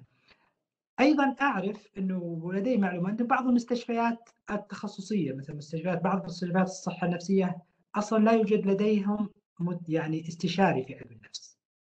يعني استشاري في علم النفس إلى الآن يعني. فهذا واحدة من الأشياء التي تجعل من موضوع الإشراف آه، معاناة وموضوع يعني مؤرق بشكل بشكل كبير. يمكن الجمعية واحدة من وذكرتها سابقا واحدة من التوصيات أن يكون لدينا إشراف على الأخصائيين النفسيين، لكن هذا يتطلب إنه اولا حصر موضوع الإشراف وموضوعات الإشراف فيما يكون هل هو في القياس النفسي هل هو في العلاج النفسي السلوكي هل هو العلاج المعرفي السلوكي أو باقي باقي أيضا إنه لابد أن يعني تتفق مع مشرفين أكفاء. حتى لو كان الإشراف هذا مثلا عن بعد اللي أعرفه الآن إنه بعض التجمعات الصحية وهذا طبعا يعني يكتب لهم بعض التجمعات الصحية أخذت في موضوع الإشراف آه، وبعض المستشفيات الصحة النفسية أخذت موضوع الإشراف محمل الجد فتواصل آه، بعض الزملاء المتخصصين أنه ليش ما يكون عندك part time معنا تشرف على أخصائيين على عملهم أو إنه تطور المكان بسياسات أو أنظمة معينة.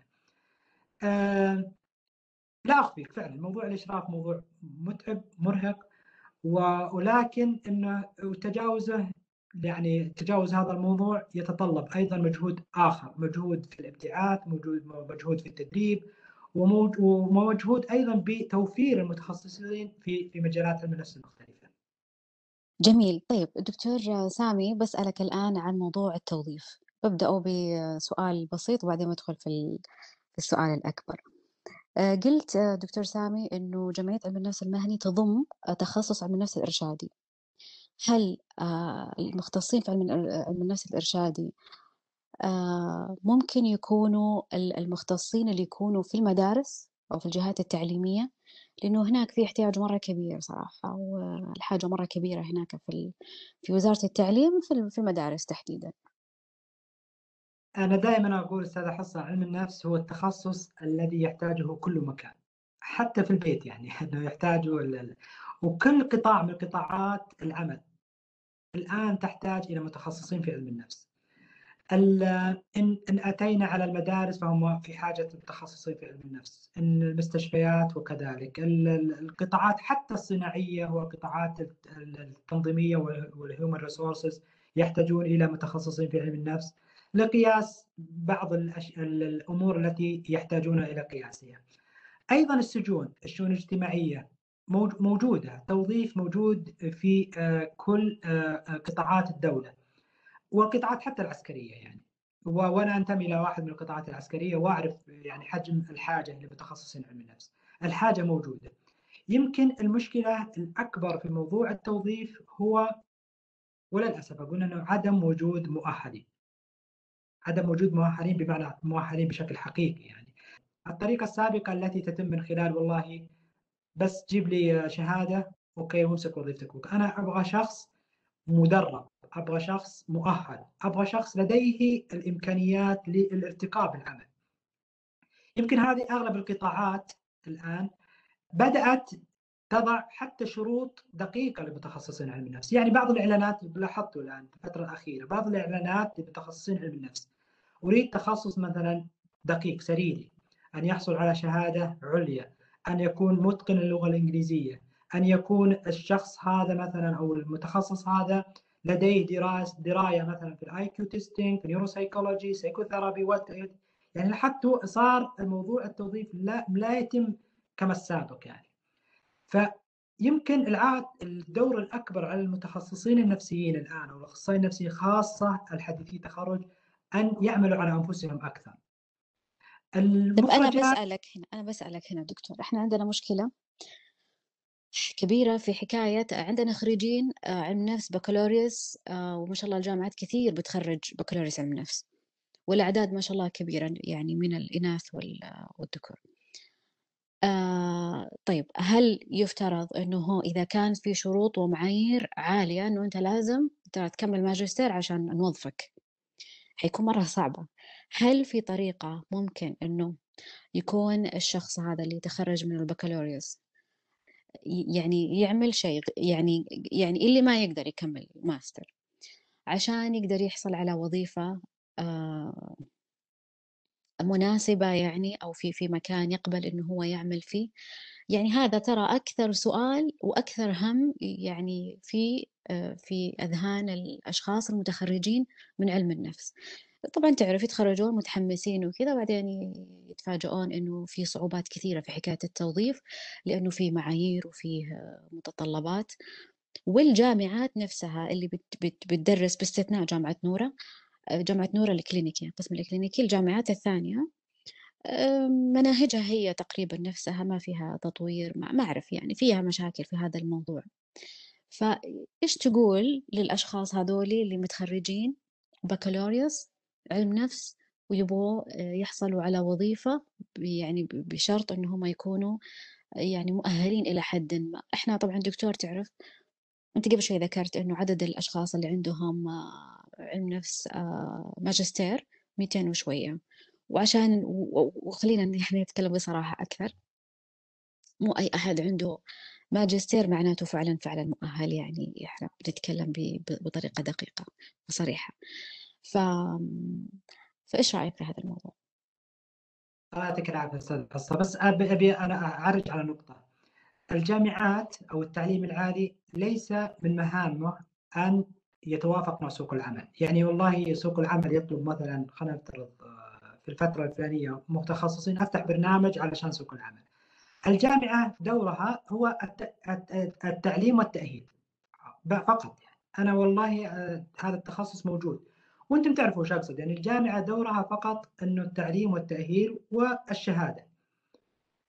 سوق العمل ليس دور الجامعة، ما هو الجامعة وهذا طبعا يعني خلينا نقول واحدة من المفاهيم المغلوطة إنه الجامعة لابد أن تقفل التخصصات، الجامعة لازم أن يعني تتأكد إنه أنا أحصل على وظيفة. الجامعة دورها أن زي ما ذكرت أن تمنح إنه التعليم والتأهيل والشهادة في نهاية الأمر. التوظيف هذا هو سوق العمل، عرض وطلب. عرض وطلب. هو مثل تخصص علم النفس مثل باقي التخصصات الأخرى. هو عرض عرض وطلب. الآن العرض الموجود خلينا ناخذها معلش ناخذها بزنس شوية. العرض الموجود أكثر من الطلب في سوق العمل. ليش؟ لأنه للأسف كثير من تخصصات أو الأقسام علم النفس آه، تفتح الأقسام ولا ولا عندها القدرة على التدريب والتأهيل بشكل أفضل. وهذه هذه هذه النقطة لابد أن يعني نعترف فيها بعض الجامعات صحيح تمنح شهادات علم النفس لكن الأخصائي النفسي أو المتخصص في علم النفس ليس لديه المؤهلات ولا التدريب الكافي اللي هو آه، يحتاجه سوق العمل. الأمر الآخر العرض أصبح كثير، كثير من الجامعات تخرج يعني أشخاص لديهم شهادة علم النفس. والامر الآن المهم في موضوع إنه مستوى المنافسة الآن في التخصص صار أعلى. يعني لما نقارن قبل 20 سنة الآن مستوى المنافسة في كل الوظائف ليس فقط في علم النفس صار مستوى المنافسة أعلى. يعني والخيارات لسوق العمل سواء الصحية أو غير الصحية سوق العمل أصبحت خيارات مختلفة. يعني ممكن ممكن وظيفة واحدة ممكن يقدم عليها 200 شخص يمكن 10% من ال 200 دول أصلا already معهم ماستر أو معهم تدريب في في موضوع معين. ف يمكن يمكن بخضم هذا الموضوع أنه العاتق الآن الأكبر أو الدور الأكبر قائم على أو يقوم على الاخصائي الاخصائي النفسي نفسه. أنا لما أحصل شهادة لابد أن أستمر في موضوع تطوير نفسي وتدريب نفسي والحصول على سواء التدريب والإشراف المناسب بحيث أنه لما أذهب إلى وظيفة معينة وأقدم على وظيفة معينة يكون يكون يعني لدي المهارات الكافية ومقنع لجهة العمل. آه، أنا أتفق معك أنه الموضوع اللي الآن الأخصائيين ما يحصلوا وظائف ما يحصلوا وظائف في في في القطاعات لأنه يعني واحدة من الأشياء اللي يعني إحنا في بحثنا في في المشروع الوطني وجدنا إنه فعلا إنه في ديوان الخدمه المدنية سابقا والوظائف ومسميات الوظائف هي موجودة الوظائف لكن كانوا العاملين عليها يطلبوا تخصصات مثلا دقيقة جنائي تخصص عيادي تخصص عصبي. الآن المسألة وهي هي هي جزء من تحول الوطن عموما. الآن المسألة مسألة تخصصية مسألة تقديم عمل. يعني وإنتاجية. أنا ما الآن أي منظمة أو أي قطاع بما فيها القطاع الصحي لم يعد فقط للتوظيف. هو أنا بوظفك علشان تقدم لي منتج في النهاية تقدم لي أعمال بالنهايه أستاذ حصة للأسف مخرجات الجامعات الآن وهذه نقولها ولدينا قليلا من المرارة يعني. مخرجات الجامعات بوضعها الحالي إلى الآن في قصور كثير في موضوع إعداد الأخصائي النفسي بالشكل بالشكل المطلوب. فهذا ما يجعل سوق العمل يحجم شوية عن موضوع توظيف الأخصائيين لأنه والله ما ما ما نحصل أحد بالكفاءة المطلوبة. الأمر الآخر إنه آه، الأخصائي نفسه نفس الأخصائي نفسه لمجرد أن يتخرج من الجامعة لابد أن احصل على الوظيفة آه، التي أريدها أنا. لم يعد الأمر الأمر بهذا الشكل، الأمر يتطلب إلى مجهود كبير سواء من الأقسام أو حتى من من من المتخصصين. طيب جميل والله والله دكتور سامي صراحة يعني أنا وأنا قاعد أفكر يعني كل ما أفكاري تروح وتيجي الشيء الوحيد اللي أنا متأكد منه تماما إنه الله يعين المتخرجين يعني الله يعينهم والطريق يمكن مو سهل. يعني بالفعل أنت زي ما تفضلت بالمستشفيات تبقى أحد جاهز تبقى أحد مؤهل. وطبعا أنا أخذت خارج بكالوريوس أنا أحتاج أشتغل على نفسي. آه، وهذا موضوع يحتاج له جهد يحتاج له صبر يحتاج له دخل مادي من هنا ومن هناك يحتاج له مساحة مساحة واضحة توفر لي التدريب توفر لي إني أطور من إمكانياتي. والمساحة هذه تختلف من مكان لمكان من وقت لوقت. فالواقع يعني آه زي ما قلت بشيء متأكد منه إنه الله يعينهم. طيب آه خلينا نتكلم في عن الجمعية. يعني أنا وهذا البحث كان سريع جدا. لما دخلت حساب الجمعية في تويتر أتوقع أول تغريدة كانت في 2014 سكت وقتها كان وقتها الموضوع اللي كان حبيس الأدراج وقتها والله أعلم. كان أول تغريده في 2014 بالضبط يوم 24 أبريل 2014 بعدين فجأة كذا كان في سبات طويل آه، إلى يوم 13 5 2018 ووقتها كان إعلان التسجيل إنه تم تسجيل الجمعية. من بعده صار موضوع التصويت بعدين صار الملتقى الأول بعدين صارت كده ستة محاضرات قبل آخر رمضان. وبعد رمضان أتوقع كان في إعلان عن الجمعية عن عفوا عن المؤتمر وكان المؤتمر تأجل. آه، وصححني إذا أنا غلطان. أظن المؤتمر تأجل ل 2022 يعني في كده محاولات في أشياء في سبات يصير بعدين في كده اكتيفيتي تصير بعدين شوية الموضوع يخف بعدين في محاضرة من هنا ومن هناك. يعني أنا ترى دحين قاعد أقولها آه، ما أقولها ك... بالعكس هذا شيء صحي إنه في تصير حركة. وأنتم ناس ما أنتم متفرغين ها؟ فتصير حركة بعدين يصير في كده شوية آه، هدوء. وأنا قاعد أقارنكم مثلا بجمعية الطب النفسي حقتنا السعودية يعني أنتم كويس والله أنتم عندكم نشاط عندكم فعاليات عندكم أشياء عندكم محاضرات. وأنا اقولها وأنا اقولها وأنا قاعد يعني احاول إني انتقي كلمات. لكن إحنا الأطباء ما لنا إلا الشكوى يعني الجمعية ما أعرف والله أنا ما أعرف مكانها ما كان بشيء يعني عموما ما هذا مو موضوعنا. لكن التسلسل الزمني هذا متباعد بالرغم والانقطاعات اللي فيه إيش ليش تعزول إيش رأيك في الموضوع ده؟ واحد إنه في 2014 كان فيه يعني حماس وكان في خبر كذا إنه الجمعية راح تعتمد. الصراحة أنا ما كنت موجود 2014 أنا كنت لا زلت في في مرحلة الابتعاد. يمكن إنه المتغيرين الأساسيين في موضوع إنشاء الجمعية وهذه طبعا لابد أن يذكر يعني. آه، هي هي موجودة ولكنها كانت في الادراج لكن المتغيرين الأساسيين في الموضوع كان إنه المشروع الوطني لتطوير الأخصائيين اعتماده وكان واحدة من توصياته لابد أن يكون هناك جمعية وهذا طبعا المتغير الأول وهذا كان داعم كبير لإنشاء الجمعية. وأنا المتغير الثاني و... ولا بد أن ينسب الفضل لأصحاب الفضل. يمكن الدكتور ايمن أيمن عبده آه، الأمين العام واحد من المت... الأشخاص الذين آه، كان لديهم الحماس لوجود الجمعية. يعني أنا أقول وأعيده مرة ثانية أنا يمكن ذهبنا في فترة من الفترات أخذنا موعد مع الدكتور سعيد وهاس جلست جلست معه شخصيا على موضوع الجمعية يعني. فكان يعني وجهة نظر إنه لابد أن تقام هذه الجمعية. يمكن هذه المتغيرين الاساسيين إنه وجود الأمين العام بصفته الاعتبارية و وحماسه ودعمه والأمر الآخر اللي هو المشروع الوطني والتوصيه الموجودة فيه. وهذا ما يعني أعطى يعني آه، قوة لإنشاء الجمعية في 2017 بداية أعمالها في 2018 جميل. المؤتمر إيش أخباره؟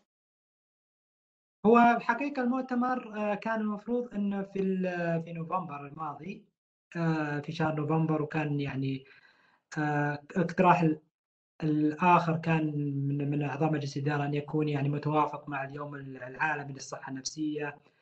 لكن أحيانا يعني تجري الرياح بما لا تشتهي السفن وكانت السفن تجري أو تسير في هذا الاتجاه لكن كان الأمل أنه يكون يعني على الأقل أنه الجائحة يعني جائحة كورونا ما هي بالشدة الموجودة في الفترة هذه يعني وأنتم زي ما تعرفوا كثير من حتى القرارات غير المؤتمرات صارت آه، تؤجل أو آه، تمنع أو ما إلى ذلك. آه، صراحة وجهة نظر الزملاء في مجلس الإدارة أن يكون المؤتمر مميزا، مميزا في حضوره، مميزا في في في موضوعاته، مميزا حتى في شكله لأنه حيكون المؤتمر الأول للجمعية. ولا ودنا يعني يكون المؤتمر بالأول بشكل لا يليق بمكانة الجمعية. فيعني صوت أعضاء مجلس الإدارة أنه لا بأس من تأجيل لاعتبارات أن يكون المؤتمر بالشكل اللائق فقط يعني وليس لسبب آخر. جميل. آه وترى يعني آه وأنا هذا سؤالي وأسئلتي عن التباعد الزمني هو فقط سؤال آه يعني عشان نستوضح بعيد عن إنه آه يعني آه، استنكاري ولا حاجة لأنه بالفعل يعني أنتوا قاعدين تقدموا شغل وفي محاضرات وفي مؤتمر وفي تخطيط آه هذا حاجة جميلة تحسب آه مقا... وعندكم يعني أخصائيين نفسيين عندكم جمعيتين يمكن أكثر ما أعرف جمعيتين يعني في في ظل هذه الجائحة وفي ظل الوضع العام للأخصائيين النفسيين اللي يحتاج له ترتيب وجهد والعدد الكبير والآمال الكبيرة فهذا شيء يحسب لكم. وأنا قارن مثلا بأطباء النفسيين جمعيتنا يعني تحاول تسعى لكن الوضع آه، آه، بالإمكان أحسن من اللي موجود الآن. بالراحة ما أتكلم عن أطباء النفسيين. وهذا كلام أنا مو أنا أقوله. يعني استضفنا الدكتور فهد العصامي الله يذكره بالخير قبل حوالي يمكن سنة وشوية وهو بلسانه ذكر إنه الوضع يحتاج لتحسين كثير طيب حصة بتقولي شيء؟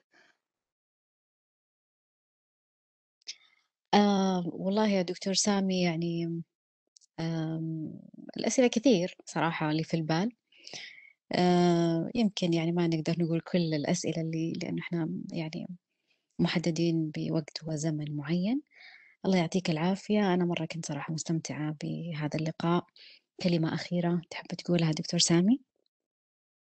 آه، هو الكلمة الأخيرة يعني دائما آه، ليس يعني ليست إلا اختصارا لما تحدثنا عنه. آه، أنا أتمنى يعني أنه يكون أكثر تفاؤلا وأكثر حماسا للمستقبل يعني. صحيح أن ليس كل شيء كما ينبغي كما نريد، لكن أنه المطلوب منا كأشخاص أو كمتخصصين إذا حددنا بمتخصصين علم النفس أن يكون لدينا على الأقل على الأقل أنه الحماس والشغف و والرؤية وال وال وال والتفاؤل في المستقبل. آه يمكن أنه أنا يعني لأني قريب من بعض صناعة القرار. الآن أشوف محاولات كثيرة من بعض الجامعات آه يعني خصوصا الجامعات يعني الصف الأول إذا صح التعبير على موضوع أنه تحسين جودة التعليم والتدريب في مجال علم النفس العيادي والتخصصات القريبة منه. في محاولات كثيرة. أيضا في محاولات من بعض الزملاء العاملين في مجال آه، علم النفس العيادي. في خصوصا في وزارة الصحة ووزارة الشؤون الاجتماعية مثلا. آه، بعض المحاولات لإنشاء دبلومات لإنشاء برامج آه، تأهيلية وتدريبية وإشرافية في الأماكن التي يعملون فيها. السعي مطلوب في هذه الفترة العمل مطلوب آه، التفاؤل أيضا أنا أرى أنه التفاؤل أيضا لابد أن يكون أحد المحركات الأساسية للاتجاه المستقبل صحيح وأتفق معكم تمام الاتفاق أنه الواقع ليس كالمأمول لكن الواقع هذا قابل للتغير ويوما ما سيكون متغيرا كما كما نتمنى بإذن الله. لكن أنه باتحاد وعمل وتفاؤل الجميع بإذن الله. آه، أخبار كثيرة يعني حتكون سارة جدا في القريب العاجل يعني في على مستوى اللي هو التدريب والتأهيل والإشراف في في علم النفس. يمكن ليس من الجمعية فقط لكن من جهات أخرى سوف تكون يعني حاضرة في في في في, في الواقع في على في وقت قريب بإذن الله. يمكن الكلمة الأخيرة أرجع مرة ثانية آه، أنا صراحة تعجز الكلمات عن شكر الدكتور سامي والدكتوره إن شاء الله حصة على هذه الاستضافة صراحة كنت مستمتع ومسهب في الكلام وبيكم تعذروني على لأنه في حديثي معاكم آه، صراحة آه، حمسني للكلمة أو جملة تعطيني حماس للجملة التالية أو الجمل اللي بعدها. آه، أعتذر على الإطالة وأتمنى يعني أنه قدمت فعلا ما يعني ما يتوافق مع تطلعاتكم ويتفق مع توقعاتكم من وجودي اليوم بينكم. وأتمنى أن يكون لقاءنا التالي بإذن الله.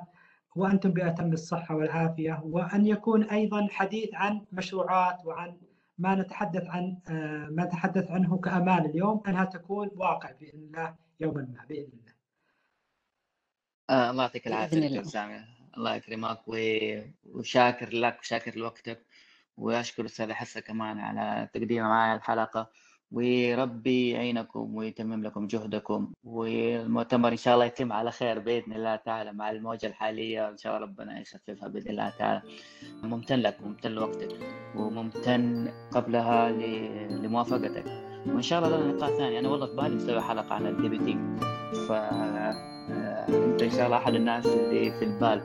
آه، ربي يكرمك ويعطيك العافية. ألف شكر لك. يعطيك العافية.